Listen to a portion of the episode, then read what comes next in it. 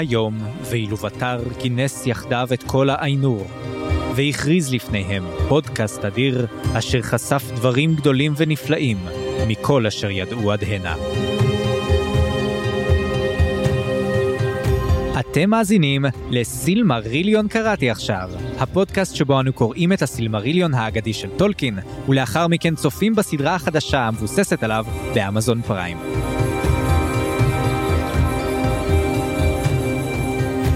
אני צפריר. ואני חיים. בואו ונתחיל. אז ברוכים הבאים, ברוכות הבאות לפרק החמישי של הפודקאסט שלנו. הפעם אנחנו ממשיכים עם הקוונטה סילמריליון, מדברים על פרקים 7 עד 9.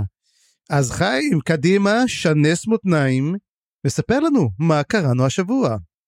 אז מה קראנו השבוע בסילמריליון? חברות וחברים, מאזינות ומאזינים, אמנם לקח לנו קצת זמן, אבל בסוף זה קרה. קבלו אותן במחיאות כפיים סוערות, אבני הסילמרילים.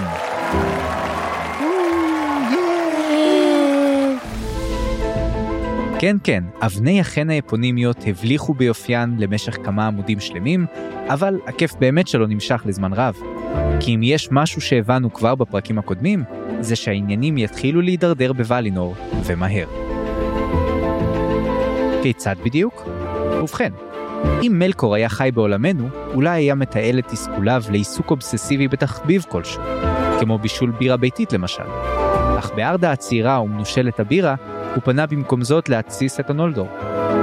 וכך, בעזרת מילותיו הארסיות, התחיל להשפיע על פאנור ומשפחתו, וליצור ביניהם מאבקים וקרעים מרים, כמו שרק משפחות יודעות, ואפלה מטאפורית האפילה על ולינור.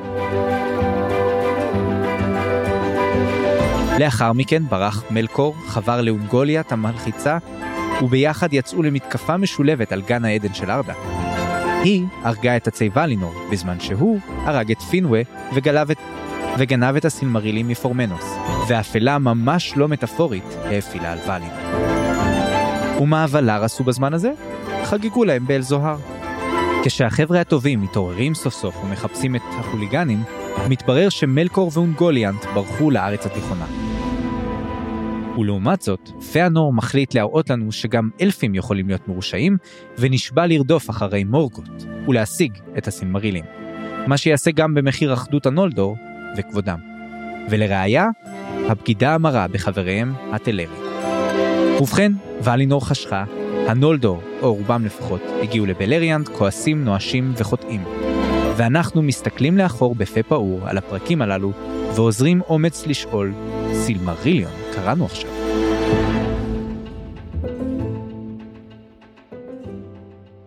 כן, נהדר. ולפני שאנחנו מתחילים, חסות קצרה, ואנחנו מיד חוזרים. התוכנית בחסות האלפים של ולינור. למי קראת אלף? אלפים? אה... בני לילית. ביץ' פליז, אני קוונדי. סתם, התוכנית לא תחת שום חסות, אבל היא כן בתמיכת המאזינות והמאזינים שלנו ב Patreon, שעוזרים לנו לשפר את הפודקאסט ולפתח עוד רעיונות לעתיד. תודה רבה לכל המאזינים והתומכים שלנו, המון המון תודה. אז חיים, צפריר, אמ, sorry שאני רוצה להגיד, אני לא בא להיות hater, אתה יודע, אני hater, נכון? אה, קיבלתי. את התואר. זה כבר ידוע, זה כן. כבר ידוע. אבל היה ממש טוב הפעם, אתה יודע? זאת אומרת, סליחה שאני אומר את זה, אבל יש עלילה, אתה יודע, היה קצת חסר. יש, יש עלילה. כאילו, יש דמויות, יש עלילה, יש אקשן, ואני חייב להגיד שאלו הפרקים שהכי נהניתי בהם עד עכשיו, זאת אומרת, אני ממש קורא, וזאת לא מטלה. אתה יודע, אתה אומר, אוקיי, אז הבנו רשימת שמות, כל, מי כל הבנים של פינגולפין, מי כל הדברים האלו, מי נשמע כמו אה, תרופה שמרגיעה לך את הנרבים, עד שפתאום, תשמע, ממש קורים דברים, וממש ארס שאטרינג. כן, אני חושב שזה קשור בעובדה שפתאום דברים גם הופכים להיות פחות טובים. זאת אומרת, ככל שהדברים הופכים לקודרים יותר ואפלים יותר ויותר דומים לעולם שלנו, נגיד את זה, זה נראה יותר אה, מושך לדעתי, יותר מעניין, יותר ספייסי. כי בסוף זה לא מעניין לקרוא על אה, דמויות מושלמות ועל יצורים מושלמים. ואגב, מה שמאוד מאוד תפס אותי, מהמם. זה דווקא כמה האלפים שבשר הטבעות הם די מרוחקים כאלה, די אלוף. ופה דווקא הם מרגישים מאוד אנושיים, או, אה, או לפחות מתחילים להרגיש מאוד אנושיים. יש פה סיפורי אהבה, כמו מה שגרם לחלק מהאלפים להישאר בארץ, בארץ התיכונה, כמו שדיברנו, הסינדר. ויש פה סיפורי בגידה ותשוקות, וזה כאילו מרגיש כמו סיפור אנושי. מהמם. אתה קלטת את זה? כן, אבל אתה יודע, לדבר הזה קוראים, אתה יודע, עיגול, לעשות, לעגל דמויות, לא רק דמויות שהם, יש להם, הם, אתה יודע, אני אלף אז אני אציל. שבגלל זה גם כן הדמויות ב, בשר הטבות נראו קצת, אתה יודע, שטוחות.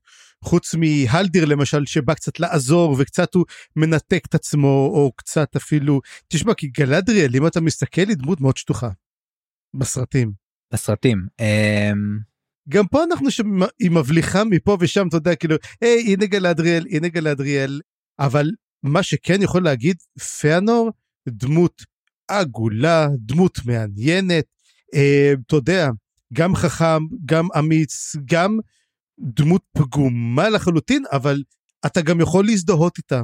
ולכן אני חושב אה, גם היא מאוד מאוד מעניינת. אתה יודע, מלקור לעומת זאת כזה for the evils, אה, קצת פחות, אבל בוא באמת נתחיל לדבר באמת על הפרק השביעי, אה, כבר דיברנו הרי זה קוראים לזה הסילמריליון, ופעם ראשונה גם פרק שקוראים לו על הסילמרילים ועל אה, תסיסת הנולדור.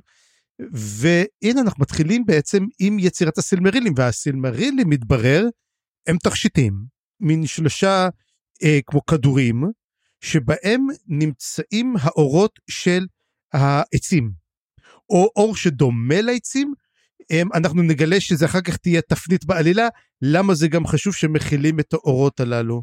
אגב זה יש פה מין יצירה כפולה כזאת או יצירה בשני שלבים כי גם יש את היצירה של פיאנור הראשונה כי הוא יוצר אותם. וכן הוא משקיע בזה את כל כוחו ויד... וידיעותיו ומיומנותו אבל גם לאחר מכן אחרי שהוא כבר עושה את זה ורדה מקדשת אותם אני חושב ויש שם מין כזה תוספת על הדבר הזה גם מנדוס מדבר עליהם שהגורל של העולם ושל כל הדברים האלה אה, יושפע או יוכרע בזכותם או בגללן.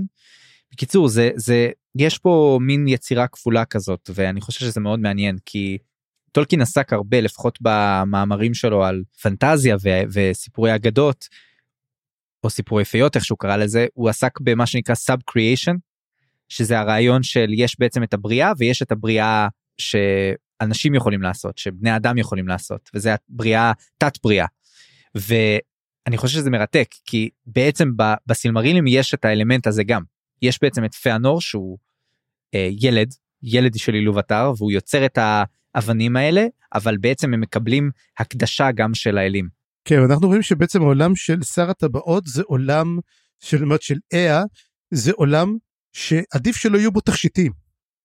זאת אומרת אם אנחנו דיברנו באמת יש את טבעות הכוח פה יש את הסילמרילים שאולי בעצם אתה חושב שאולי זה היה אולי טולקין בעצם רצה שהסילמרילים יתפסו את גולת הכותרת והטבעות לא יודע מין חיקוי שלהם או מה לפי דעתך זה היה אמור להיות? כי אתה יודע גם כן מדובר תחשוב שזה די אותו דבר יש לך תכשיטים שכולם רודפים אחריהם הם משחיתים קצת כי אתה יודע אני לא יודע אם הם משחיתים את הבן אדם כמו שהטבעות משחיתות אבל אתה יודע מי שרואה אותם מיד מתאווה אליהן רוצה אותן הם, עושה הכל בשביל להשיג אותם.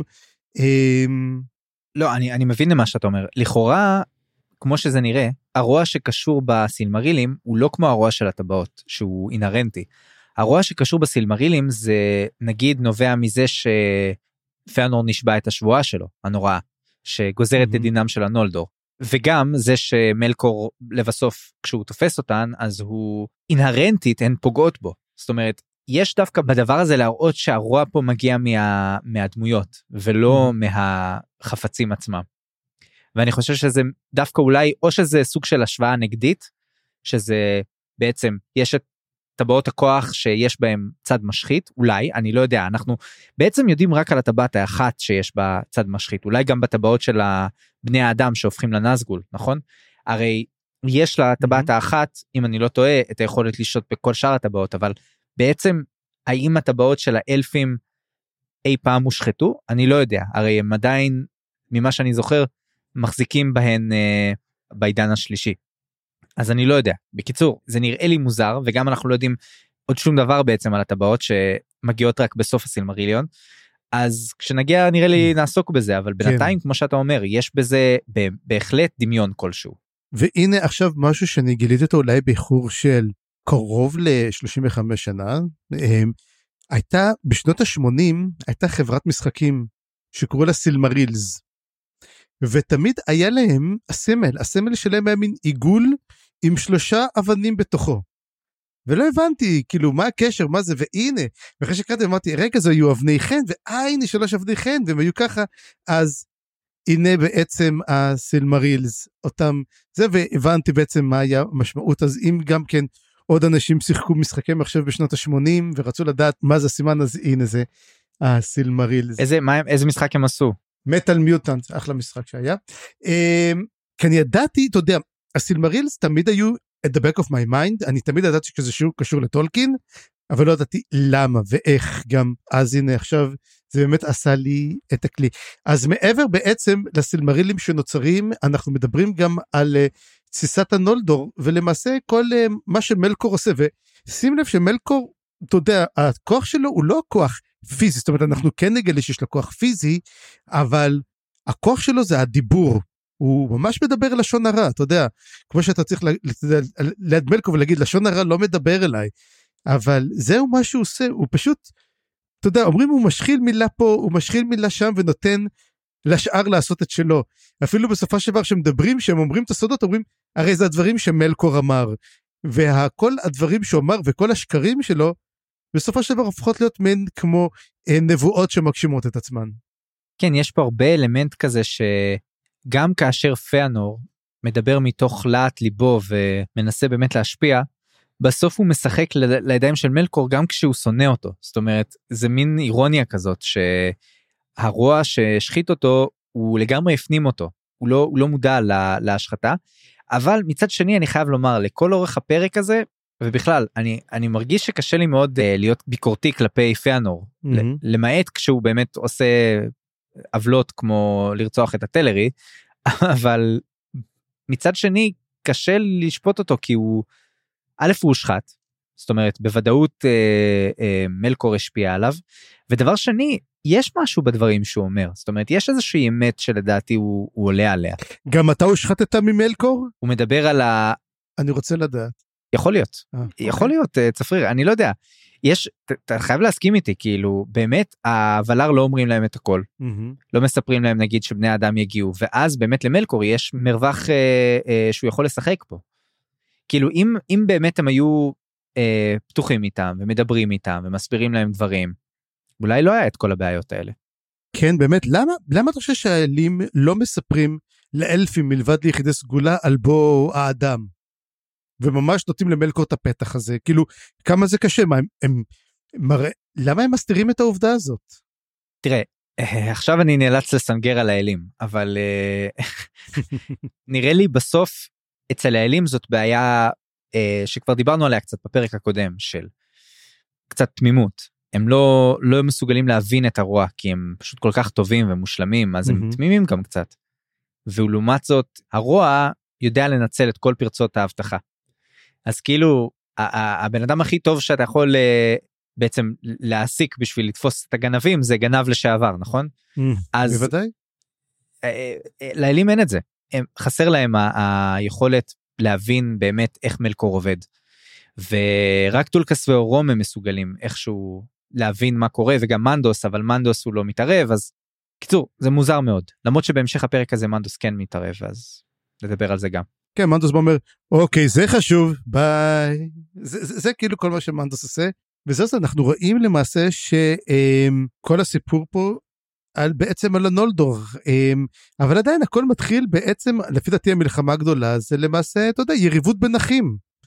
אמ, שלמעשה אנחנו רואים את היריבות של פיל גולפין נגד פיאנור ומי ישלוט בהם וגם ההתפצלות ש...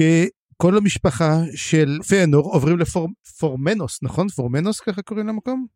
כן, זה, זה בעצם ה... זה מאוד הזכיר לי, טוב, אנחנו תמיד מזכירים דברים שקשורים ליהדות, אבל זה מאוד הזכיר לי משום מה את, אה, לך על זה. את הפיוד שהיה בספר מלכים בין יורבעם ורחבעם. שיש לך בעצם את שני הנסיכים, שני הבנים של המלך שמתפצלים בעצם, ואז יש שני מוקדים חדשים, שתי ערי בירה חדשות. בוא, בוא, בוא לא נגיד, בוא לא נגיד שירובעם היה מלך, אוקיי, בוא, בוא, בוא לא נגזים ונגיד שהוא היה נשיא. תראה, הוא... אין לו חלק לעולם הבא, אין לו. מה? לא, אבל אני מתכוון שפתאום יש פה פיצול כזה שגם גורר. אה, אה, ממש היאחזות חדשה ובירה חדשה ואז מתפצל לשתי ממלכות אז פה זה כמעט מגיע לשם. ואילולא הם היו נשארים בוולינור יכול מאוד להיות שהנולדור היו מתפצלים לשני עמים. אבל בעצם יש פה מין משהו שמשליך על העתיד כי יש לנו בעצם רמז מטרים לפיצול היותר רציני שיבוא בהמשך. מהמם. אבל אתה שמת לב שהנולדור אפילו שהפיצול ביניהם הוא ממש גדול, זאת אומרת, אנחנו רואים את פנור שולף חרב על פינגולפין, כמעט לא רחוק מלהרוג אותו, אבל אין עדיין שמות שונים, זאת אומרת, אחד, אחד נשאר, אתה יודע, ללקט עשבים וקיבל שם אחר. אז פה בעצם יש לנו עדיין נולדור כנגד נולדור, זאת אומרת, כל מי שהיה משורש פינוון, מזרע פינוון נגיד, הוא עדיין נחשב נולדור למרות שמה כבר, אה, בוא נגיד המשפחה של פיאנור מול המשפחה של פינגולפין הם כבר, אתה יודע, הם כבר שונים לחלוטין. ראינו עוד פחות מזה מתפצלים, אז למה פה אנחנו לא מקבלים פיצול? תראה לדעתי יש פה אלמנט של uh, כמה זה קרוב לבריאה בעצם וכמה זה קרוב להתעוררות. ככל שמתרחקים אז באמת קשה כבר לשנות את השיוך הזה. הם בעצם כולם בנים של פינווי ופינווי עדיין בחיים רוב הזמן פה במחלוקת הזאת רק רק כשהוא יט. מת זה כבר. יט כן אבל אה, עדי, עדיין הם מאותו שורש ואולי דווקא אני חושב שזה מחזק את המחלוקת ואת האיבה ביניהם. וכשנגיע לסוף אני חייב לומר אני הרגשתי שלקראת הסוף איפה שאנחנו מגיעים אה, עם האיבה ביניהם יש סיכוי טוב מאוד שיהיה פה שפיכות דמים בתוך הנולדור גם בהמשך. Mm, יש סיכוי טוב מאוד בפרקים הבאים, כן. אז זהו, באמת אנחנו רואים את הפיצול הגדול של משפחת אה, פינווה, פינגולפין ופאנור אה, מגיעים כמעט לקרב, ופאנור לוקח את המשפחה שלו ולפר... לפורמנוס וגם פינווה דרך אגב זה גם היה מפתיע פינווה מחליט אה, אתה יודע לפרוש מהנהגת הנולדור ועובר לגור בפורמנוס כי הוא מאוד אוהב את פאנור ואת המשפחה שלו והוא נוטש ופינגולפין הופך להיות אה, דה פקטו המלך שלהם בטיריון. כן רק שאני אני חושב בשלב הזה אפשר לומר שיש בעצם סוג של משחק אה, אה, פוליטי כזה. אני לא בטוח שלגמרי יש פה אה, אחדות מ, מש, אה, אחדות דעים משני הצדדים מי המלך. אני חושב שלא לא בהכרח שפינו פורש בשלב הזה. לפחות לא מה, אה, ממה שאני הבנתי רק שהוא בהחלט לוקח צד פוליטי כי אם הוא הולך לכיוון של, של פיאנור זה מהמם. הכל משחק לה, להשחתה של מלקור הכל משחק באמת לדברים האלה שכבר קראנו אותם בפרקים הקודמים כל העניין הסיפור המשפחתי ואני חושב שזאת אחת הסיבות שזה מזכיר מאוד את הסיפורים התנכיים האלה שבהם היה כאילו אתה יודע משפחות מאוד מאוד בעייתיות עם עם משחקי כוח פנימיים ונשים מועדפות וילדים מועדפים וכל הדבר הזה. כן אנחנו רואים את זה גם הרבה אצל אה, דוד ובניו וגם עם שלמה ובניו אנחנו רואים גם כן כמה אתה יודע בנים מאימהות אחרות זה נורא ואיום.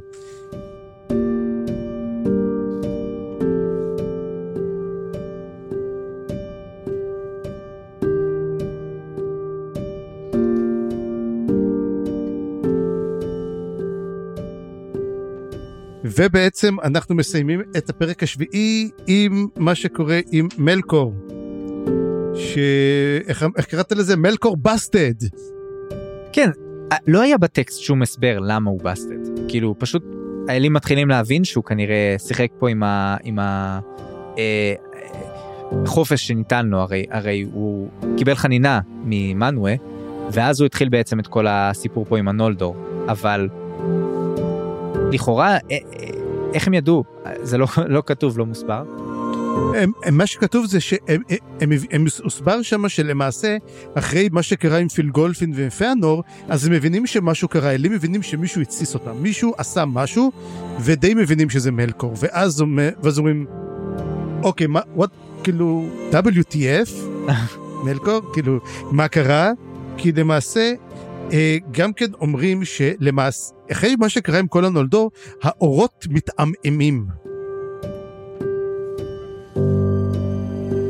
הם מרגישים, כן. כאילו, אז הם מבינים שמישהו עשה את זה, מישהו הטיל פה צל, וזה כאילו החשוד המיידי שלנו הוא מלקור, כאילו, מי זה יכול... אה, אוקיי, הוא, יופי. ואז הוא עושה להם את התכסיס הזה בעצם, שהם הם חושבים שהוא הולך לצפון, שזה איפה שהוא היה בפעם הקודמת, ואז הוא בורח בעצם דרומה, שזה משהו שהפתיע אותם, וגם הוא הופך לאיזשהו ענן, והיה שם איזה קטע שהיה לי קצת לא ברור, אבל הקטע הזה שהוא, כתוב שהוא אה, הפך פעם אחרונה שהוא אה, השיל בעצם את הדמות שלו, ו- ו- כן. ומאז הוא כבר לא יכל לעשות את זה, או לא רצה לעשות את זה. זה היה קטע לא שקצת לא היה לי ברור. אז זה דווקא היה קטע מגניב שאני מאוד מאוד אהבתי, כי זה מראה שלמעשה הוא מתרחק מהמהות האלוקית שלו. אם אתה חושב על זה בעצם מלקור עצמו, אתה יודע, הוא עושה מין את ההפוך, הולך לדרום או מסתתר שם בעוד איזה מקומות, ואומרים שלמעשה האלים יכולים לשנות את צורתם, וזה משהו שהם אוהבים לעשות, גם אנחנו רואים שבמשתאות האלים הם הופכים להיות, הם נראים כמו אלפים. ומלקור מכיוון שהוא, אתה יודע, הולך רחוק והוא מת, מתרחק ממהותו, הוא מאבד יכולות. אבל מה שכן הוא לא הופך לענן, הוא הופך להיות שר צבא, הוא הופך להיות מין דמות, כמו שאנחנו רואים את uh, סאורון בסרטים, דמיינתי את זה, אתה יודע, אותו uh, מצביא עטוי שריונות וחרבות, ושם uh, שהוא פוגש את אונגוליאנט, ככה הוא פוגש אותה עם הדמות הזאת שלו, כן. וגם אנחנו נראה לאחר מכן שהוא יושב על הכס שלו, ככה הוא יושב, וזאת הדמות שלו מעתה ואילך. אני כאילו רוצה קצת טיפה לחלוק עליך אני חושב שיש פה בעצם חלוק לא. שני צדים של אותו מטבע. כי בעצם ה... כמו שהאלים מקבלים בעצם את הצורה של ילדי אילובטר במידה מסוימת גם מלקור עושה את זה. ואני חושב שדווקא הרוע וההשחתה של מלטור, מלקור כל כך חזקה דווקא בגלל שהוא יש בו עדיין את היופי ואת הכוח ואת ההילה שיש לאלים. כי הוא עדיין ואלה כאילו הם עדיין רואים את זה וזה מוזכר גם בטקסט. אז אני חושב שאני דווקא לא רואה אותו כסאורון אני רואה אותו כאיזשהו אה, לוציפר כזה ש, ש, שהוא עדיין מלאך ועדיין אה, אם, אם לא היית מכיר את האלים האחרים היית חושב שככה האלים צריכים להיראות בעצם. אבל אומרים המראה שלו נורא הוא היום למראה הוא לא נראה אתה יודע זה לא כמו לוציפר שאומרים הוא מלאך יפה עדיין והוא נראה כמו מלאך אני חושב שהוא. אה, אתה יודע, הוא בוחר, הוא בחר את צורתו שלו. הוא בחר להיראות נורא ומטיל אימה, הוא בוחר איך שהחיות ייראו, החיות המעוותות, הוא נהנה בצורה הזאת, זאת הצורה בא, הוא מגשים את עצמו על פני האדמה. ולכן לפי דעתי, אמ, אתה יודע, הוא בוחר בה והוא מחליט סופית, אתה יודע, זה לא שהוא אמ, אולי זאת הסיבה למה הוא לא יכול לשנות, כי הוא מחליט זאת צורתי, אני מושחת ואני לא יכול להשיב את דרכיי אחורנית, רק לפה אני יכול ללכת, אני רק שר צבא מטיל אימה. אני חושב שזה, זה, יש איזה קלאש קטן בעובדה שהוא עדיין... אין, אין, אין מקום יותר, אין מקום יותר, אתה יודע, להראות שכאילו, לא, אני יכול לחזור בתשובה, אין לו כבר אפשרות לחזור בתשובה יותר.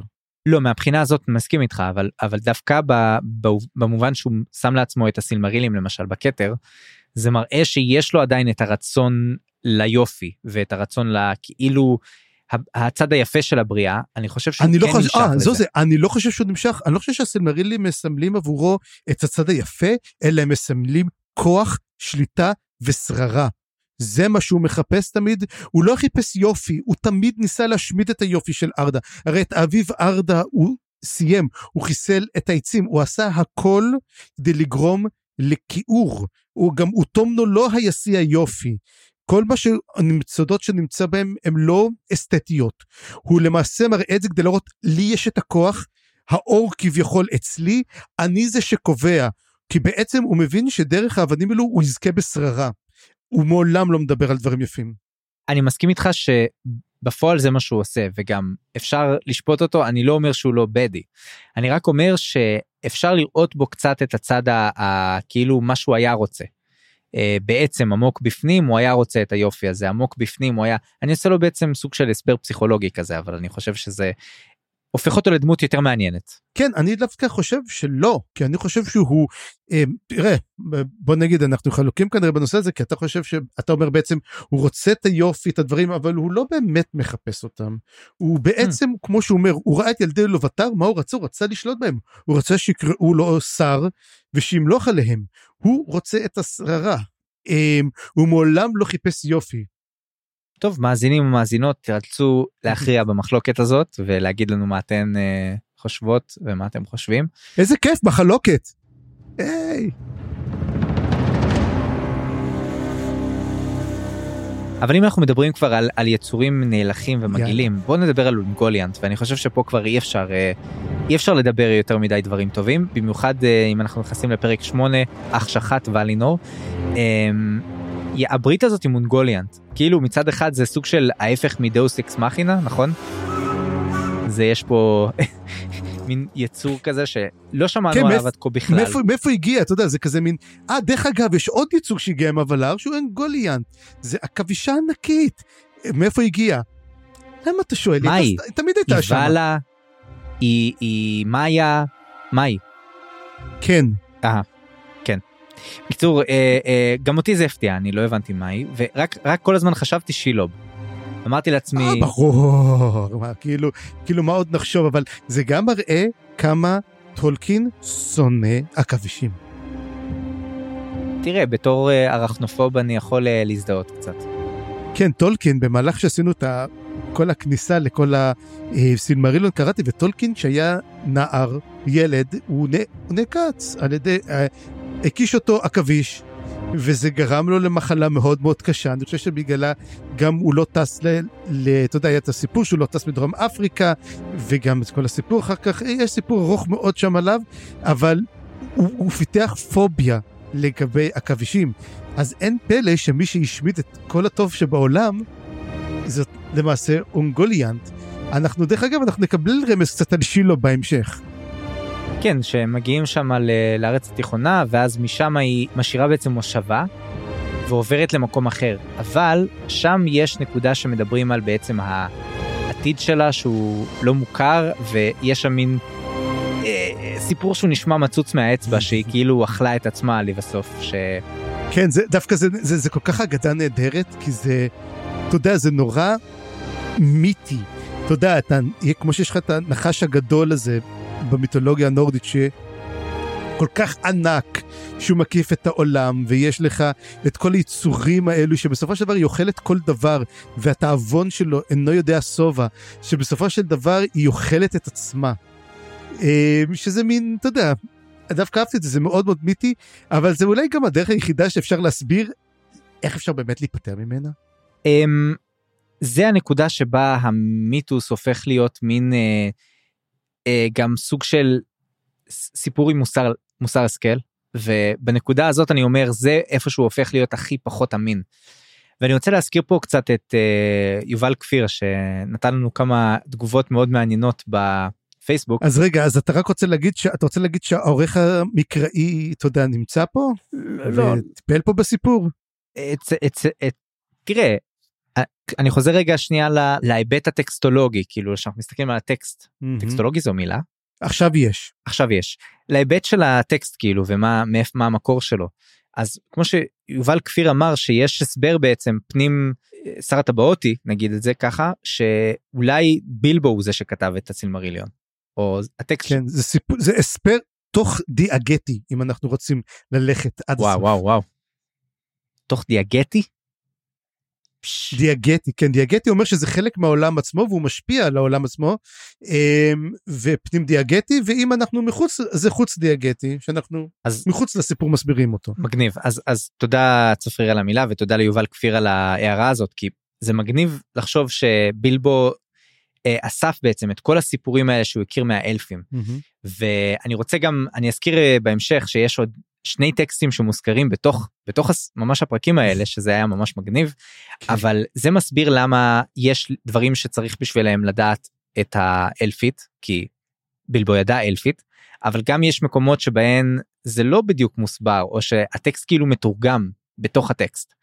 למשל כשמדברים על מורגות נכון אז הטקסט אומר אה, מורגות האויב השחור אז אנחנו יודעים שמורגות באלפית זה אומר האויב השחור אבל למה צריך להסביר את זה אם זה היה טקסט אלפי נכון לכאורה אם זה היה טקסט אלפי לא היה צריך להסביר את זה אבל זה לנו הקוראים שלא לא ברזי ה... אז זה מה שאתה אומר אה, אבל אני אומר קונדי. שיש פה גם את ההסבר הכאילו שבעצם מי שכותב את הטקסט הוא לא אלף או. לפחות הוא, מס, הוא כותב אותו עבור לא אלפים.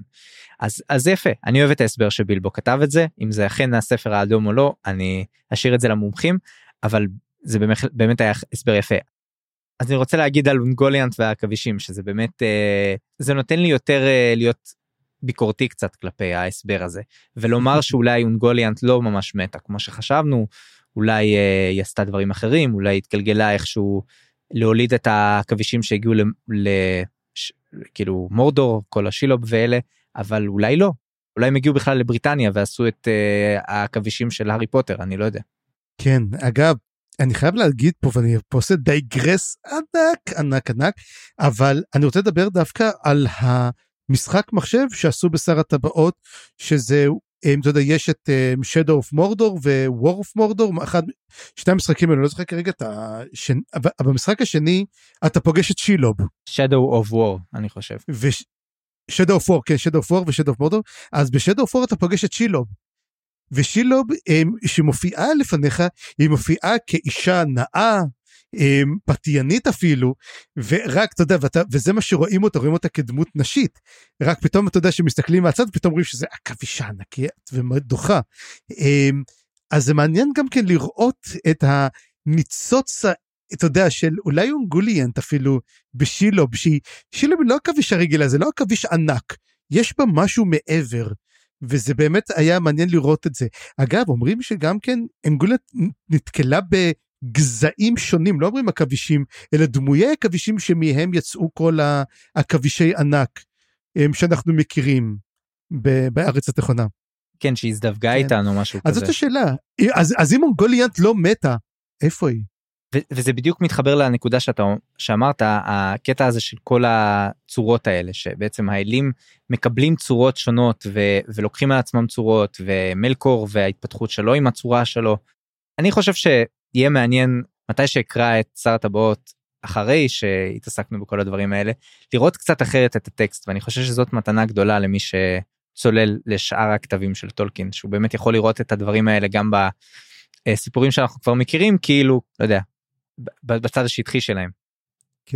אז הנה כבר דיברנו באמת על מלקור ואונגוליאנט, אז מלקור כורת ברית עם אונגוליאנט ומבטיח לה כל מה שאתן בשתי ידיי, אתן לך אותו. אה, משהו שהוא התחרט עליו מאוד מאוד מאוד, שהוא יצטרך באמת, אה, אתה יודע, to deliver אחרי מה שקורה, והם מחליטים, למעשה הוא משכנע אותה, אני לא יודע למה היא מסכימה גם כן, אה, לתקוף את אה, ולינור. אה, היא, היא רוצה דברים היא משתוקקת היא רוצה היא מתהווה להכל נראה לי יש לה היא מתהווה לאור, היא למעשה מפחדת מאור ואוהבת את האור, היא טובה כורים ולוקדת את האור בכורים והיא ניזונה, והיא ניזונה מזה. אז זה היה מדהים לראות איך בעצם כולם מתאהבים לאור, כולם מגיעים בעצם לרצון הזה, אבל לא כולם יכולים לספוג אותו, לקבל אותו. שאגב זה מתחבר לי קצת לשאלות פילוסופיות של טוב ורע. כי אם מתייחסים Mm. נגיד לסכולסטיקה של ימי הביניים אז בשביל להסביר את, את, את, את שאלת הרע צריך להסביר מאיפה הוא מגיע נכון? וזה כמובן שאלה מאוד גדולה הרבה יותר מסתם ימי הביניים אבל um, בעצם צריך להסביר איך הרוע יכול להתקיים גם אם יש אל טוב שרוצה רק בטוב כן? הוא צריך לקבל מאיפשהו את, ה, את הזכות או את, ה, את היכולת בעצם להתקיים והוא צריך לקבל מאיפשהו את הכוח בעצם. ונראה לי שזה בעצם מה שאפשר לראות פה בסיפור של אונגוליאנט כי בסוף כשהיא מכסה את עצמה לגמרי מהאור שהיא מפחדת אבל גם רוצה אם היא תכסה את עצמה לגמרי אם היא לגמרי תתנתק מהכוח אז היא תמות ונראה לי זה הסיפור שלה בעצם. כן, וגם יש לה כוח שמסוגלת לטוות מסביבה ומסביב למלקור, היא טובה מין כמו רשת שמונעת מהאלים לראות אותם. כן. אז זה, הנה עולה לנו לשאלה הפילוסופית הידועה, האם האלים יכולים ליצור משהו שיפגע בכוחות שלהם? והתשובה היא כן. כאילו, למעשה, האלים יכולים למנוע מאחרים לראות, ובאמת אונגוליאנט הם, טובה הם, סביבה וסביב מלקור איזה מין כור כזה שמונע מהם בעצם לראות אותם והם מתקדמים לאט לאט לכיוון ולינור מהר להר הם טובים חוטים ובעצם תקיפת קומנדו איטית מאוד אבל היא כן מצליחה ומחכים ליום שבו כמובן תמיד זה מתחיל רע עם משנה של מנווה ואז השאלה כאילו למה אתה עושה משתאות מנווה ולמה תמיד מנווה רוצה משתאות? זה אף פעם לא נגמר טוב. Uh, תראה הם בשיא של uh, תור הזהב. זה זה בדיוק הזמן לעשות משתאות לדקדנס אה, זה בדיוק הזמן. דווקא ב, בזמן שאתה חושב שהאימפריה שלך בשלב הכי אה, טוב והכי מתפתח ודווקא כן. שם כבר יש את זרעי ההרס. וההרס הזה מגיע והוא מגיע בבום אחד גדול כשלמעשה אה, אונגוליאן תופסת את העצים ושואבת אותם עד העצה והשיפה שלהם, ובעצם עד הלשת שלהם מוצצת את האורות משני עצים, אוכלת אותם, וזהו זה, והאור שלהם עובד, האור הגדול של שני, של צלפירין ולאורלין, הם מושמדים. ותשמע, זה, אה, בוא נגיד, אנחנו צריכים להבין שאומנם, אנחנו צריכים להבין שהיה שמש אין, לא, לפני שמשפך היה אור, וצריכים להבין שהייתה סיבה כלשהי, והנה הסיבה בעצם למותו של האור הגנוז של שני העצים האלו, ואני חייב להגיד, ואתה יודע, במאמר נורא נורא מוסגר, שיצא עכשיו ממש, אנחנו נמצאים באמת בתחילה, באמצע יולי, בזמן הקלטת הפרק, ויצא הטריילר הרשמי, זאת אומרת לקראת... טיזר, טיזר. זה הטיזר, זה לא הטריילר הרשמי? זה לא הטריילר זה הטיזר הרשמי. אז הטיזר הרשמי יצא שתי דקות וחצי. שהיה גם טיזר בשביל הטיזר אגב. היה גם טיזר היום, לטיזר. היום נכון. יש טיזר לטיזר לטיזר גם. ביי, כל הכבוד להם, כל הטיזרים האלו, ורואים את זה. אז אני חייב להגיד מעבר לזה, שרואים את שני העצים ורואים את uh, ולינור או רואים את uh, טיריון. זאת אומרת, אנחנו רואים למעשה את שני העצים, שגלדריאל מדברת שהיא ראתה את האורות לפני שהשמש עוד זרחה. ואתה יודע משהו? קצת underwhelming. כן? כאילו לא רוצה לדבר, כי תשמע זה יפה וזה כל הגרפיקה המודרנית, אתה יודע, הגרפיקות היפות והאפיות, אבל זה היה כזה מין, אני ציפיתי שזה יהיו עצים ענקיים, אתה יודע, מין משהו ענקי. הם היו ענקים, הם פשוט היו ממש מרחוק. לא, אני ציפיתי... ספרי, זה היה נראה כמו זריחה שם. כן, אני, זה נכון, תשמע, אני ציפיתי כמו לאיגדרסיל. אתה יודע, לעץ העולם כן. הענקי הזה, כמו שיש לך באלדן רינג, את העץ הענק הזה, או שיש לך, ב, אתה יודע, בכל המקומות את העצים הענקיים, הבלתי ניתנים לתפיסה, וזה היה מין אבנדסורה, אוקיי? ויבינו, יבינו. יש לי רק הסבר אחד. אה, תקציב. כנראה שאתה פשוט hater. אני לא hater, אני, אני, אני פשוט, אתה יודע, טולקין, כשאני קורא אותו, היא, היא, הוא, הוא גורם לך לחשוב אפיות, אתה מבין? והוא אומר לך, תשמע, זה היה כל כך אדיר וכל כך מושלם, ופשוט אי אפשר כמעט לתאר את זה, אתה יודע, שאתה, אתה אומר, אני מנסה למצוא את הכי גדולים שאני יכול. אמ, אז אתה יודע מה היה אדיר ומושלם ו- ו- ואפי בטרי, בטיזר הזה? והוא? המוזיקה. זה מה שהכי עשה לי את זה. אז המצב שלנו שמה, קשה. לא, זה מוזיקה של האוורד שור, זה כאילו, זה בדיוק המוזיקה ש... האוורד שור, לא סתם, זה מי שהלחין כן. גם את שר הטבעות המקורי. כן, כן. אז, אז זה מה שהכי עשה לי את זה, אבל האמת שעשה לי חשק. אני בטוח שעוד נדבר קצת על הטריילר ועל הטיזר בהמשך. כן, זה כבר נדבר, שיהיה כבר משהו בינתיים. אנחנו רק רציתי להזכיר את שני העצים האלו, וסופם של העצים, והפעם, בוא נגיד שזה לא, לא נסלח. מה שמלקור עשה. ומלקור מבין שהוא עכשיו אה, צריך לברוח, והוא בורח, אה, הפעם הוא חוזר צפונה, הוא לא חוזר דרומה, הוא חוזר צפונה לאותה מצודה באנגבנד, אותה מצודה שנזנחה במלחמה הראשונה, אבל לא לפני שהוא עושה גם משהו אחר. Uh, אתה מדבר על הרצח uh, של... Uh, רצח פינווה. אבל זה נדבר, כן אבל זה אנחנו צריכים לדבר בפרק 9 בעצם אז בוא נעשה בוא ניקח הפסקה קצרה. כן. אה, ומיד לאחר מכן נחזור ונדבר גם על פרק 9, כל מה שקרה שם. אז יישארו עמנו. היי, hey, אתם שם, עם המבט הרעב. יוצאים להרפתקה ארוכה? חבורת גמדים רעבים מתדפקת על הדלת בשעת לילה מאוחרת והמזווה ריק? רוצים לרדת במשקל ושום דיאטה לא עוזרת? יש לנו רק מילה אחת בשבילכם. למבס. ביס אחד, והרעב מובס. ותודה שחזרתם אלינו, ואנחנו עוברים לפרק 9 על מנוסת הנולדור, ונדבר על כל הדברים שקרו שם. בעצם הזכרנו המון מהדברים כבר תוך כדי החלק הראשון, אז אני לא חושב שזה יהיה כל כך ארוך, אבל באמת בוא נדבר רגע על בקשת הוולר מפאנור, ובעצם היה פה משהו מאוד מעניין, כי הם מבקשים ממנו אה, את הסילמרינים בשביל לתקן את העצים. ולא ברור איך זה בדיוק אמור לעבוד. היה פה את ההסבר הזה המאוד כאילו מוזר אבל אבל הגיוני שיש דברים שאפשר לברוא אותם רק פעם אחת. גם האלים יש להם מגבלות וגם לפאנור מסתבר פאנור אומר גם מה שאני יצרתי הסילמרילים לא אוכל ליצור אותם עוד פעם ואני לא חושב שהוא התכוון מכיוון שאין כבר את האור של העצים אבל אפשר גם לתת הסבר כזה לדעתי הוא יותר התכוון שכמו האלים גם אני יש לי בעצם את העבודה הגדולה של חיי שעשיתי אותה פעם אחת אני לא יכול ליצור אותה עוד פעם. וזה מסביר גם על כל הסיאוב וההשחתה של העולם שנוצרת פה לאורך הפרקים. זה שהוא לא סימטרי זה שקרו כל מיני דברים שבמלחמות הקדומות עם מלקור בעצם השפיעו על איך שהעולם נראה. בכלל בכלל הבריחה לוולינור מהארץ התיכונה כן mm-hmm. וה...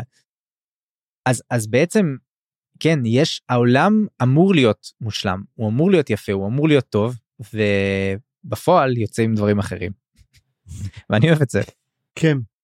אז באמת אה, אני חושב שיוונה מבקשת את הסילמרילים ופנור אומר לא.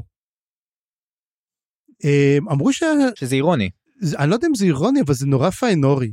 זאת אומרת זה לגמרי הוא יגיד לא. תשים לב שגם כן הוא ממשיך באותה איך אני אגיד פרופגנדה של האלים נגדנו. האלים הביאו אותנו לפה כדי להפוך אותנו לעבדים וזה מה שהם באו לעשות לנו. וגם כן שהם באים ואומרים לו תשמע תביא גם את הסילמרילים זה בשבילו אומר בשביל זה הבאתם אותנו לפה ראיתם את העבודות שלנו ואתם חומדים אותן. אבל זה מה שמלקור עושה כי זה לא בעצם מה שהם זה לגמרי מה שמלקור רוצה לעשות. אבל כן הוא אומר כזה דבר וזה טיעון שלא יכולתי לעמוד נגדו. וזה אולי הטיעון באמת הכי טוב שהוא אומר הרי מלקור הוא אחד מהם. ההתנהגות שלו מעידה על התנהגות השאר. אז אם אנחנו רואים שהוא עושה את זה, למה אחרים לא עושים ככה? הם פשוט יש להם מתק שפתיים. הוא לא. כן, כמו שאמרתי, פאנור did nothing wrong. כן. אבל אבל בעצם יש לו כמה אה, נקודות ממש טובות וזאת אחת מהן. אתם אומרים שמלקור הוא רע אבל מלקור הוא ואלה. איך אנחנו יודעים שאתם הטובים והוא הרע? או אם נגיד ככה אם אתם חייבים להיות טובים איך זה יכול להיות שהוא רע? וזאת השאלה של הרוע שכבר עסקנו בה עוד מההתחלה עוד מהיינו לינדלה. Mm-hmm. וכן היו לו גם כמה בוא, בוא נגיד ככה אם ההשחתה של מלקור השפיעה עליו אבל הכוח של פיאנור הוא לגמרי שלו זאת אומרת היכולת שלו והיו פה כמה נאומים מאוד מאוד חזקים נכון mm-hmm, כן. uh, ואפילו זה שהוא הקשיח את ליבו uh, זה מאוד מאוד uh, מראה דווקא על הכוח ואפילו היכולת שלו להיות רע בפני עצמו. תשמע אנחנו רואים בעצם גם במהלך הפרק הזה זאת אומרת אנחנו רואים את ההתקדמות של פאנור מ... אתה יודע מגיבור והוא הופך להיות לאט לאט את ההשחתה שלו עד שאנחנו רואים בפרק הזה אולי את ה... מנקודה שבה אני אומר פנור כאילו אומר עד לאיפה עוד אתה יכול להגזים אתה יודע הוא הופך להיות מלייקבל בסוף הפרק הזה הוא כבר unlikable לחלוטין והוא כבר וילן. עד כדי כן. כך הוא הופך זאת אומרת זה פרק שהוא לא הוא לא היה פרק קצר זאת אומרת היה לנו פרק 8 השטח בן שהיה מאוד מאוד קצר הפרק הזה הוא מין פרק יחסית ארוך אבל אנחנו ממש רואים את הנפילה של האלפים המפלה כן. שלהם הגדולה ביותר. הייתי אומר שנקודת האל חזור זה הטבח בטלרי זאת הנקודה שבה אפשר לומר פה כבר אין לו אין לו דרך יכולת, חזרה כן. אה, אין לו דרך חזרה אבל מצד שני נגיד הנקודה הסופית שבה כבר אה, זה לגמרי כבר הוא הופך להיות אתה יודע אה, מסיים את התהליך שלו זה כבר כשהוא שורף את הספינות ולא נותן לאחים שלו להצטרף אליו שכבר הפרנויה והרוע שלו כבר מפנה אותו כלפי בני משפחתו והעם שלו ופינגולפין. כן, אני לא, אני לא יודע אם זה רוע, אבל זה לגמרי אה, פרנויה. ולגמרי תאוות שררה ושלטון, וזה, אם טולקין אומר לנו שיש טוב ורע, הטוב זה שיתוף, הרע זה חיפוש שררה. ואנחנו תמיד רואים שחיפוש השררה, הרי אנחנו אולי מקדימים את המאוחר בעצם, למה הוא שורף את הספינות? כי הוא, לא, כי הוא רוצה שהוא יהיה הראשון שרגלו דורחת בארץ התיכונה, כדי שלא ייקחו לו את, ה, את, את האזורים הטובים, או, או לא ייתנו לו אולי אפילו לעלות לארץ התיכונה. לדעתי זה היה יותר בקטע שהוא באמת רוצה את, ה, את החופש ואת היכולת לעשות דברים כמו שהוא רוצה. שזה מוזר כי היכולת שלו משמעותית נפגעת אה, כשחלק מהעם שלו לא יכול להצטרף.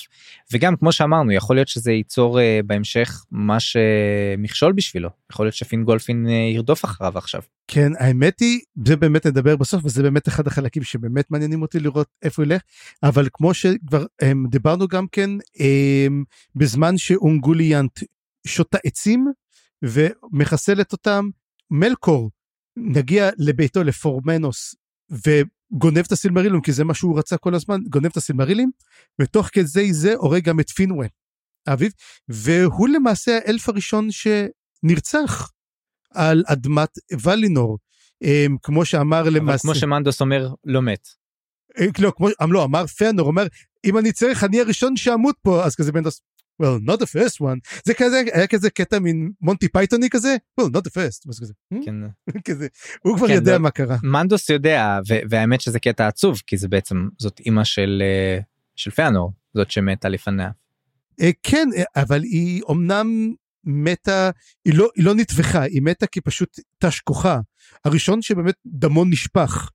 זאת אומרת, אנחנו נכון לא... אבל בעצם מנדוס אומר הוא לא הראשון היא לא הראשונה שבהיכלות שנמצאת בהיכלותיי כן. וכן זה קצת זה קטע טיפה טיפה עצוב ואירוני אבל אה, בוא נגיד גם על על אה, זה שהיה מאוד נוגע ללב מצד אחד. באמת לראות עד כמה היה אכפת לפיאנור ממות אביו. יותר מאפילו הסילמרילים אני חושב שזה מה ש... זה מה, שח... זה מה שגזר את דינו זה מה שנתן לו את הפוש האחרון בעצם לזוועות שהוא, שהוא הגיע אליהן. כן, אומרים שגם כן לא היה בן שכיבד את אביו כפי, כפי שפנור כיבד את uh, פינווה. ובאמת פינווה אחד משלושת האלפים הראשונים שבאמת ראה את האור מת, um, ואז פיאנור מכנה את מורגוס, את uh, מלקור בשם מורגות, האויב האפל, האויב השחור, ודרך אגב, מעתה אותו רגע אה, לא מתייחסים יותר למלקור אלא כי אם למורגות אז גם אנחנו נעשה את הסוויץ' ברגע הזה ומעתה אמור מורגות ולא מלקור. ובעצם בזמן שמתחילה תסיסה עוד יותר גדולה אה, מורגות ואונגיליאס בורחים צפונה ואונגוליאנט אומרת לו אוקיי it's time to pay up dude אתה עשית את מה שרצית שלם. והוא מתחיל לתת לה אתה יודע הוא מתחיל לתת לה את כל האוצרות שהוא גנב מבית אה, מבית אה, פ- פאנור והיא אוכלת את הכל מפורמנוס. ובול- כן, בפורמנוס והיא בולעת ובולעת ובולעת ואז אומרת לו שמע נתת לי רק מה שביד שמאל מה ביד ימין יש לך. ושם כמובן זה הסילמרילים אבל את הסילמרילים הוא לא מוכן לתת לה. היא ו- אומרת לו What have you have in your pockets? הופה. אומרת. כן. אבל אה, אה, הוא לא נותן לה את הסילמרילים כן. ומי בא לעזרתו? הבלרוגים זאת אומרת זה היה מדהים לראות שהבלרוגים נמצאים שם והם באים לעזור לו והם באים עם השוטים שלהם והם נלחם והם בעצם תולשים את הכורים שהיא עוטפת את אה, מלקור ומבריחים אותם משם. כן הייתי אומר שזה היה החלק הכי פחות מעניין בכל הסיפור כי כאילו זה היה פשוט קצת נדוש הקטע הזה של הרוע שמשמיד את עצמו. אתה יודע שהרעים לא Mhm. מסוגלים אה, אה, להסתדר אחד עם השני זה היה כזה שמענו את זה כבר מיליון פעמים אבל אה, גם נחמד. ברומח הדרקון הרי הסיסמה העיקרית היא הרוע פונה כנגד עצמו. זאת גם הדרך שבה הם מנצחים כמובן במלחמת הרומח. אה, דרך אגב, אם כבר מדברים על רומח דרקון, הרי כתר העוצמה מאוד מזכיר את כתר הסילמרילים. מראה כמה רומח הדרקון נורא נורא נורא נורא אה, שאב את השראתו וגנב את אה, הרבה מהטרופים של שר הטבעות, וכנראה מסיבה טובה.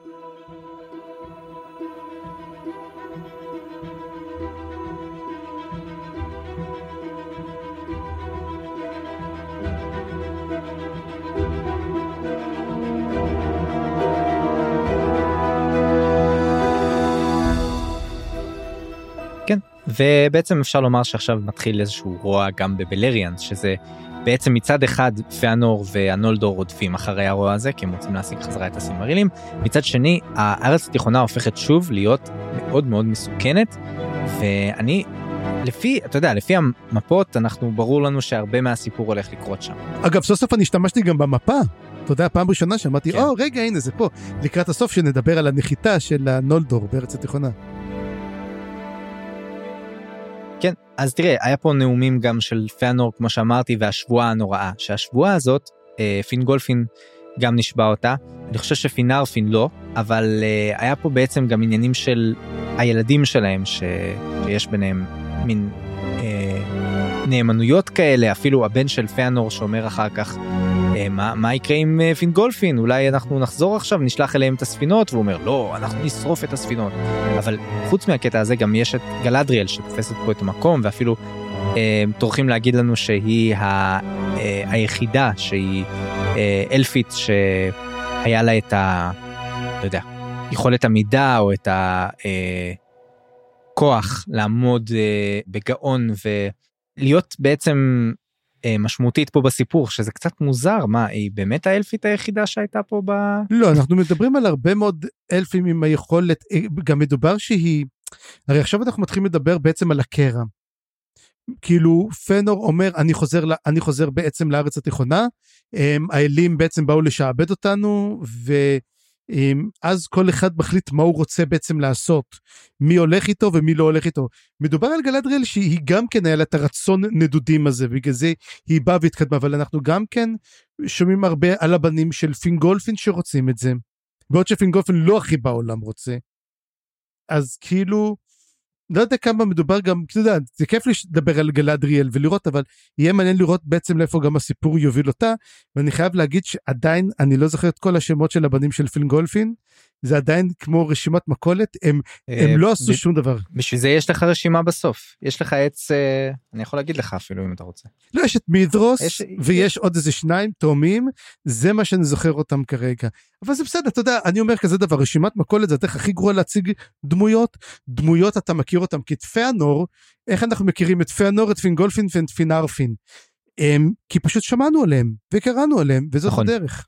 אז זאת כן, הדרך. יש פה, אתה יודע, יש פה אה, אה, עץ, עץ משפחה בסוף הספר. זה לא עוזר. זה, זה, זה, זה עוזר, זה כן, זה עוזר לעיין, וזה עוזר באמת שאתה אומר לו, אוקיי, בוא נראה מי זה מי, אבל אני מעדיף כן. שיציגו בפניי, אה, אתה יודע, את הדמויות, שאני אכיר אותם, שהם יהיו עגלות. מסכים. כן. אני רק אומר שמבחינת הסיפור פה, השמות שצצו זה באמת מיידרוס, או מגלור, אני חושב, אחד מהם שדיבר, ב, שדיבר שם בסוף עם פינגולפין, אבל מבחינת, אה, אה, סליחה, עם פיאנור, אבל יש לנו את פינגולפין ושני בניו טורגון ופינגון, שהם דווקא היו אלה שרצו להמשיך, כן, שבעצם היה נכון. ביניהם קשר חזק. אה, וכמובן גלדריאל שהיא דווקא מבניו של פינרפין שכמו שאנחנו יודעים הוא בסוף כן חוזר אה, חזרה לטיריון. כן. תמיד כשאתה אומר טיריון זה מזכיר לי משהו אחר, אבל אין מה לעשות. כן נכון? ואז למעשה אחרי שפיאנור אומר אנחנו עוזבים נותן את הנאום הגדול שהנאום הזה כמובן רשום באיזשהו ספר אחר חיצוני אתה יודע באחד מהספרים החיצוניים שלא נכנסו פה לקוונטה סילמריליון. אגב תגיד זה גם לך הזכיר את הקטע הזה ש... וכל שאר הדברים בספר דברי, הים... דברי המלכים וספר דברי הימים זה כזה מין אתה יודע יש לך מין ברייטות כאלו אתה יודע יש לך מין כל מיני ספרים חיצוניים שלא נכנסו. כן יש פה שני כתבים מוזכרים האלדודני אני חושב. כן. אחד מהם נגיד את זה ככה יש יש את האחד שהוא על הרצח של הטלרי. שהטבח שם באמת היה מזעזע מבחינתי זה היה פעם ראשונה שבאמת יש קטל של אה, אלפים שהורגים את אלף, אה, אה, אלפים אחרים יש פה מלחמת אחים אפשר לומר אפילו מהמם. ויותר מזה יש פה בגידה מאוד מאוד קשה כי יש פה בעצם הם הביאו את, את הטלרי בכלל לשם כי בלי הנולדור הם לא היו מגיעים וזה חלק מה איבה פה ש, שאנחנו דאגנו לכם ואתם לא באים לעזור לנו לכאורה. אבל גם הטלרים הם יחסית הכי מנותקים ישר. הם אה, גרים רחוק הם לא רואים את הרוע של מלקור הם לא חווים אותו ומצד אחר אפשר לומר שהם גם אולי הכי אה, נקיים כי הם לא הושחתו ממלקור. אה, למרות שגם כנראה הווניאר לא אבל יש פה באמת אה, קטע מעניין וחוץ מזה יש פה גם את הטקסט השני שבאמת מדבר על האפלה שנופלת על ולינור. שזה האלדודני כמו שאמרתי. קיצור יש פה באמת אה, טקסטים חיצוניים שמוזכרים. אגב, אלדודניה נכתבה על ידי אבניאר, זאת אומרת, אני לא יודע אם עותקים שלה אה, שרדו מוולינור, כי הייתה צריכה לכתוב אותו בוולינור. חייב להיות, כי הם, הם הגיעו לבילבו, הרי. אז איך זה אפשרי? כי הרי אבניאר לא עזבו מעולם את ולינור. אז זאת אומרת שהם היו צריכים לכתוב את זה, אז זה היה צריך להגיע דרך לארץ התיכונה על ידי הנולדור שחזרו. אז... אוקיי, אתה רואה, כפי שאמרנו, אבל אולי בגלל זה הוא לא קיבל את הכתבים, כי ידוע שיש כזה ספר, אבל הוא מעולם לא הגיע. השאלה עצמה, אתה יודע, מעניין אותי לדעת, כי הרי אחרי ששר הטבות נכתב והסילמריליון, יש את כל הספרים שאחר כך כריסטופר טולקין ערך, אתה יודע, איזה עשרה כרכים של אה, כל מיני אגדות וסיפורים שלא נשלמו וכל זה, מעניין אם הסיפורים האלו נמצאים שם. אז אה, יהיה מעניין מה, מהמאזינים שלנו, האם יש אותם בכתב, האם אי פעם הם הועלו על הכתב? או שלא. ספציפית הטקסטים שמוזכרים פה? כן, יהיה מעניין אותי לדעת. אם באמת, אחר כך טולקין ישב ובאמת הרחיב וכתב אותם. אז שזה יכול להיות מעניין בעצם, אתה יודע, בעצם יש את כל העשרה כרכים האלו על הסיפורים מהארץ התיכונה. שאמרתי, מה יש לכתוב עשרה כרכים על כל הדברים? אז יכול להיות שזה כל מיני בעצם הסיפורים האלו, או הרחבות שלהם.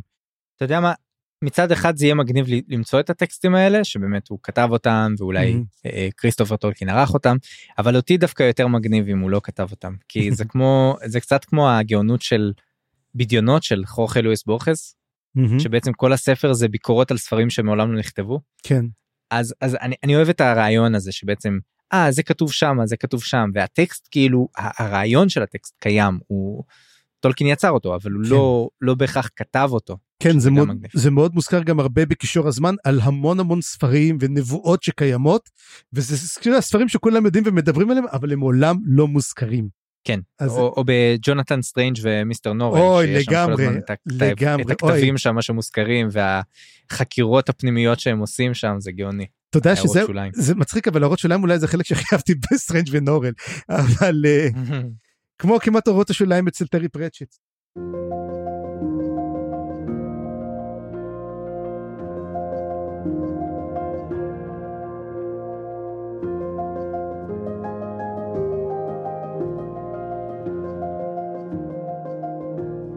טוב, אז נמשיך באמת ונסיים באמת את כל הסיפור. אז הקרע הפנימי, הנולדור מחליטים לעזוב, לפרוש מוולינור ולחזור לארץ התיכונה, ואומרים, איך אנחנו הולכים לעשות את זה? הרי קשה להגיע, זה אי, בתכלס צריכים לזכור שזה אי, ולכן הדרך הכי טובה לעשות זה היא ללכת לטלרי ולבקש מהם את ספינות הברבור. והטלרי אומרים להם, לא. וזאת השאלה, למה שהם יגידו לא? הרי איזו סיבה יש להם להגיד לו, הם גם כן אשתו. הם אומרים כמו שפאנור, כמו שאתה יצרת את הסילמרילים, אנחנו יצרנו את הספינות, זה הדבר הכי אה, מדהים שיצרנו, אנחנו לא נוכל יותר ליצור אולי דבר אבל, כזה אבל לעולם. אבל זה כלי, זה כלי שימוש, זה לא שאתה שם אותו במוזיאון, זה לא שהסילמרילים, תשמעו, אולי מכיוון שהוא גם לא נתן את הסילמרילים, אתה יודע, להחיות את העצים, אז הם אמרו, אנחנו לא ניתן את הספינות להשתמש בהן, אבל מה הם יעשו? הם ישבו במוזיאון הברבור, מה הם יעשו שם? אתה יודע מה, אני, אני מרגיש גם שיש פה אלמנט... אה... אולי פסיכולוגי. כאילו אם אם הוא היה בא אליהם בטוב אולי הם היו מתנהגים אליו אחרת אבל אתה יודע הוא מגיע אולי כנראה עם חרב ביד או לפחות מאחורי הגב ואומר להם את זה בצורה כזאת אה, אה, קשה קשה להיענות לו קשה להגיד לו כן בשלב הזה. יכול להיות שהם כבר מרגישים לאיפה הדברים הולכים את המתח את הנואשות שלו. אני חושב שכל הקטע פה זה, זה הנואשות והאובססיה שהנולדור נכנסים אליה. כן, וברגע שזה קורה, הם מחליטים לתקוף אותם ושלוש פעמים תוקפים אותם הם מצליחים להגן אבל אבל בסופו של דבר הנולדור מנצחים את הטלרי וטובחים בהם. ותשמע זה היה קטע מאוד מפתיע כי אתה אמרת וואו. כאילו פנור מפה לא יכול באמת לחזור אחורה הוא הופך להיות וילן והוא גונב את, ה, את הספינות, ולמעשה הוא משאיר, אתה יודע, הם שתים לכיוון הארץ התיכונה, בעוד ששאר הנולדור צריכים לעשות מין מעקף דרך אותו מעבר אה, מלא, מלא שלג שהם צריכים לעבור בו. ואגב, גם שם רואים כבר את המין קרע הפנימי של הנולדור, שהרבה הולכים דווקא אחרי פינגולפין. זאת אומרת, כולם נשבעו, או הרוב נשבעו, החבר'ה Mhm. של פינארפין לא. אבל גם החבר'ה של פינגולפין נשבעו אמנם, אבל הם uh, הולכים אחרי פינגולפין, לא אחרי פיאנור. אז כבר יש פה את הקרע הזה שמתחיל הולך ומתרחב, אולי כבר אפשר לקרוא לזה תהום או Mhm. שסע. וכן, אני אגיד גם עוד עניין מעניין, שהיה פה את העימות עם מנדוס, שמגיע פתאום, מה, אתה יודע, כל הדבר הזה קורה ומנווה שותק, והטבח קורה ומנווה שותק. מנוו שותק והוא נשבע כי הוא אומר שאסור לא להתערב בעניינים תוך פני- פנימיים גם אומרים איפה אוסה. למה אוסה לא עוזר לטלריב זו השאלה הכי גדולה ואז אומרים שבעצם עצרו את אוסה מלעזור. כן, את כולם עצרו בעצם. הם- רק ברגע האחרון מנדוס מגיע ואומר להם, תשמעו, השבועה שלכם אה, אה, תשמיד אתכם. זה בערך מה שהוא אומר להם. ומנדוס יודע, וזה היה לי מעניין, למה הוא בכלל מתערב מנדוס? קודם כל הוא נשלח על ידי מנווה, אבל הוא לא אמור להיות אה, אה, לא, איך, איך אומרים? עם פרשל לא כזה? מתערב, איך- כן. אה, אה, אה, הוא לא אמור להיות כזה מנותק כאילו? הוא לא אמור לא בוא להשפיע נקרא על לו ה... ניטרלי. אמ, אני חושב שהוא לא אמור להשפיע, אבל אתה יודע, he can't help, אתה יודע, אתה יודע, תגיד את המילה האחרונה, כי בסופו של דבר, מה שהוא בא להגיד ומה שמנבו שולח אותו להגיד זה, חבר'ה, תעשו מה שאתם רוצים, אחריות שלכם על הכל, אמ, תבינו אבל מה האחריות של המעשים שלכם, וזה בעצם מה שאני חושב שבא להגיד מנווה, כאילו, זה מה שיקרה. אני רוצה שתדעו מה אתם הולכים לעשות, מה ההשלכות שלכם, וזה הכל מה שתדעו. אם אתם רוצים לחזור, תחזרו, אנחנו רואים שזה גורם לחלק לחזור. בסופו של דבר. נכון? אה, זה אה. משפיע על פין- פינארפין. כן, ופינרפין באמת לוקח חלק מהאנשים שלו בחזרה. אמ, חוץ מגלדריאל, גלדריאל ממשיכה הלאה. אני רק אגיד שכל הקטע הזה של התבערנה הספינות היה באמת קטע כזה ממש סינמטי אני ראיתי את הסצנה Mhm. הזאת קורית בעצם אולי אני לא אתפלא אם נראה אותה בסדרה אולי כן. אבל uh, um, הסוף היה קצת מוזר כי בעצם מדובר שהיה להם תלאות רציניות לחבר'ה שלא באו עם הספינות Mhm. פינגולפין ושות שהגיעו דרך תלאות הלקרקסה שזה הפך להיות מין כזה סיפור שלם כנראה שאולי נשמע עליו או לא כן. ושהוא קשור איכשהו לעליית הירח שכשהם הגיעו כבר הירח. היה ירח אבל על עליית הירח עצמו עוד לא שמענו אולי נשמע נכון. בהמשך. זה כנראה יגיע, אני, אני חושב עם בוא האדם. הירח והשמש יגיעו. כנראה אוקיי, שמגיעים, רק האדם גם כן מגיע איתם. אני רק אגיד שעדיין כמו בפרקים הקודמים וכמו בשירה וההקדמות שדיברנו עליהם עדיין יש פה הרבה דברים שלא מסופרים. למשל הטבח של הטלרי נגיד נשאר שם מישהו הם כולם נטבחו יש אולי שורדים אנחנו נשמע עליהם והתלאות האלה שאני לא יודע אם נגלה מה היה שם בדיוק או שיש פה מין אתה יודע. כן היה שם תלאות אה, כמה מתו אבל הרוב הגיעו בסוף אוקיי. אבל זה כמו הסיפורי עם וכמו הסיפורים התנכיים שיש הרבה הרבה מהטקסט שצריך להבין מבין השורות ומצד אחד זה ממש מגניב מצד שני אני מת לדעת מה קרה שם. וגם כן אנחנו יודעים שהרבה לא שרדו את המעבר, את אותו מעבר. אז אה, גם כן, מעניין גם כן, ובאמת אנחנו מסיימים את הפרק הזה כשהאותות, בוא נגיד פינגולפין וכל מי שנשאר בפינרפין, מגיעים לארץ התיכונה אחרי שהם עוברים את מעבר אלקלס, אה, את מעבר הלקראקסה? לא לא רגע רגע פינרפין לא מגיע פינרפין נשאר בטיריון. לא, לא, פינגולפין ובניו, וחלק כן. מבניו של, של פינרפין. פינרפין נכון. הרי חוזר לפני המעבר. הוא חוזר בחזרה לוולינור, ופה באמת אמ, אנחנו מגיעים שבאמת הירח עולה ובאמת עידן חדש מתחיל. אתה יודע, אין כבר אמ, את האורות של אמ, ולינור, אבל יש ירח, ככל הנראה גם תגיע השמש. ופה זה בעצם, אתה יודע, מין, איך אני אומר כזה, מין נגמרה תקופת האגדות, נגמר העידן הראשון, אותו עידן אגדתי של אין זמן, מעכשיו הזמן מתחיל לנקוף, השעון מתחיל לתקתק, האלפים הם לא אותם אלפים. יהיה גם מעניין לראות על ההתקלות של הנולדור עם מי שכבר נמצא, הרי אנחנו יודעים שבבלריאנד יש הרבה מגזי האלפים, נשארו שם. אז אנחנו יודעים כן. גם כן שהסינדר נמצא שם, אנחנו יודעים שעוד אלפים הם, אפלים נמצאים שם. איך זה יקרה? מה יקרה עם הנולדור שהגיע? האם הולכת להיות מלחמה? האם הם הולכים על השבועה? האם הם יצאו למלחמה נגד אנגבנד כדי לתבוע את הסילמרילים אליהם? הרבה דברים אנחנו נשארים, אבל אתה יודע משהו? סוף סוף יש עלילה, יש לנו מיתוס, יש לנו פה, יש אקשן. וזה מה שאני נהנה הכי הרבה. כן לגמרי גם אותי זה ממש מכניס לעניינים ואני ממש אה, ואתה יודע מה עצבן אותי? עצבן אותי שהייתי צריך לעצור ולהגיד לא, אבל אני, אבל אני רוצה להמשיך עוד הלאה, ולא, אני הייתי צריך קצת לעצור. באסה. לא אבל צריך לעצור וגם האמת הפרק הזה אנחנו חייבים לעצור כי כבר אה, הארכנו יתר על המידה אבל אה, לגמרי אנחנו כבר בעניינים אז אולי תגיד לנו צפריר מה נקרא בפעם הבאה. אז זהו זה, אנחנו קוראים פרק, פעם הבאה אנחנו קוראים ארבעה פרקים, אנחנו קוראים את פרק 10 עד פרק 13, זאת אומרת פרק 10 על הסינדר, פרק 11 על השמש והירח ועל הסתרת ולינור, פרק 12 על האדם, ופרק 13 על שיבת הנולדור. תשמע, וואי כל כך הרבה ספוילרים צפריר. סתם. הוא צריך לדעת איך לכתוב את הפרקים שלו פעם הבאה. אז זהו זה, מדובר על פרקים די קצרים, אבל uh, יהיה מעניין באמת לראות uh, מה קורה שם, ואני כבר ממש ממש מחכה לקרוא את זה. אז זהו זה היה הפרק ותודה שהאזנתם לנו. ועד הפרק הבא, אני חיים גורוב גלברט אני צפריר גרוסמן. תוכלו ליצור איתנו קשר בקבוצת הפייסבוק ובערוץ הדיסקורד שלנו, פרטים בתיאור הפרק. ואם אהבתם מה ששמעתם, דרגו את הפודקאסט באפליקציית הפודקאסטים החביבה עליכם, וספרו עליו לחברים. עריכה וסאונד חיים גורוב גלברט.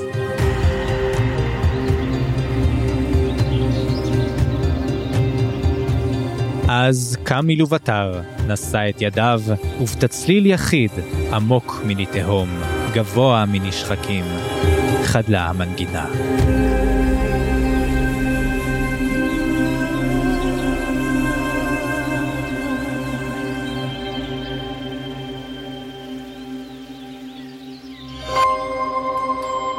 היזיון, הסכתים פנטסטיים.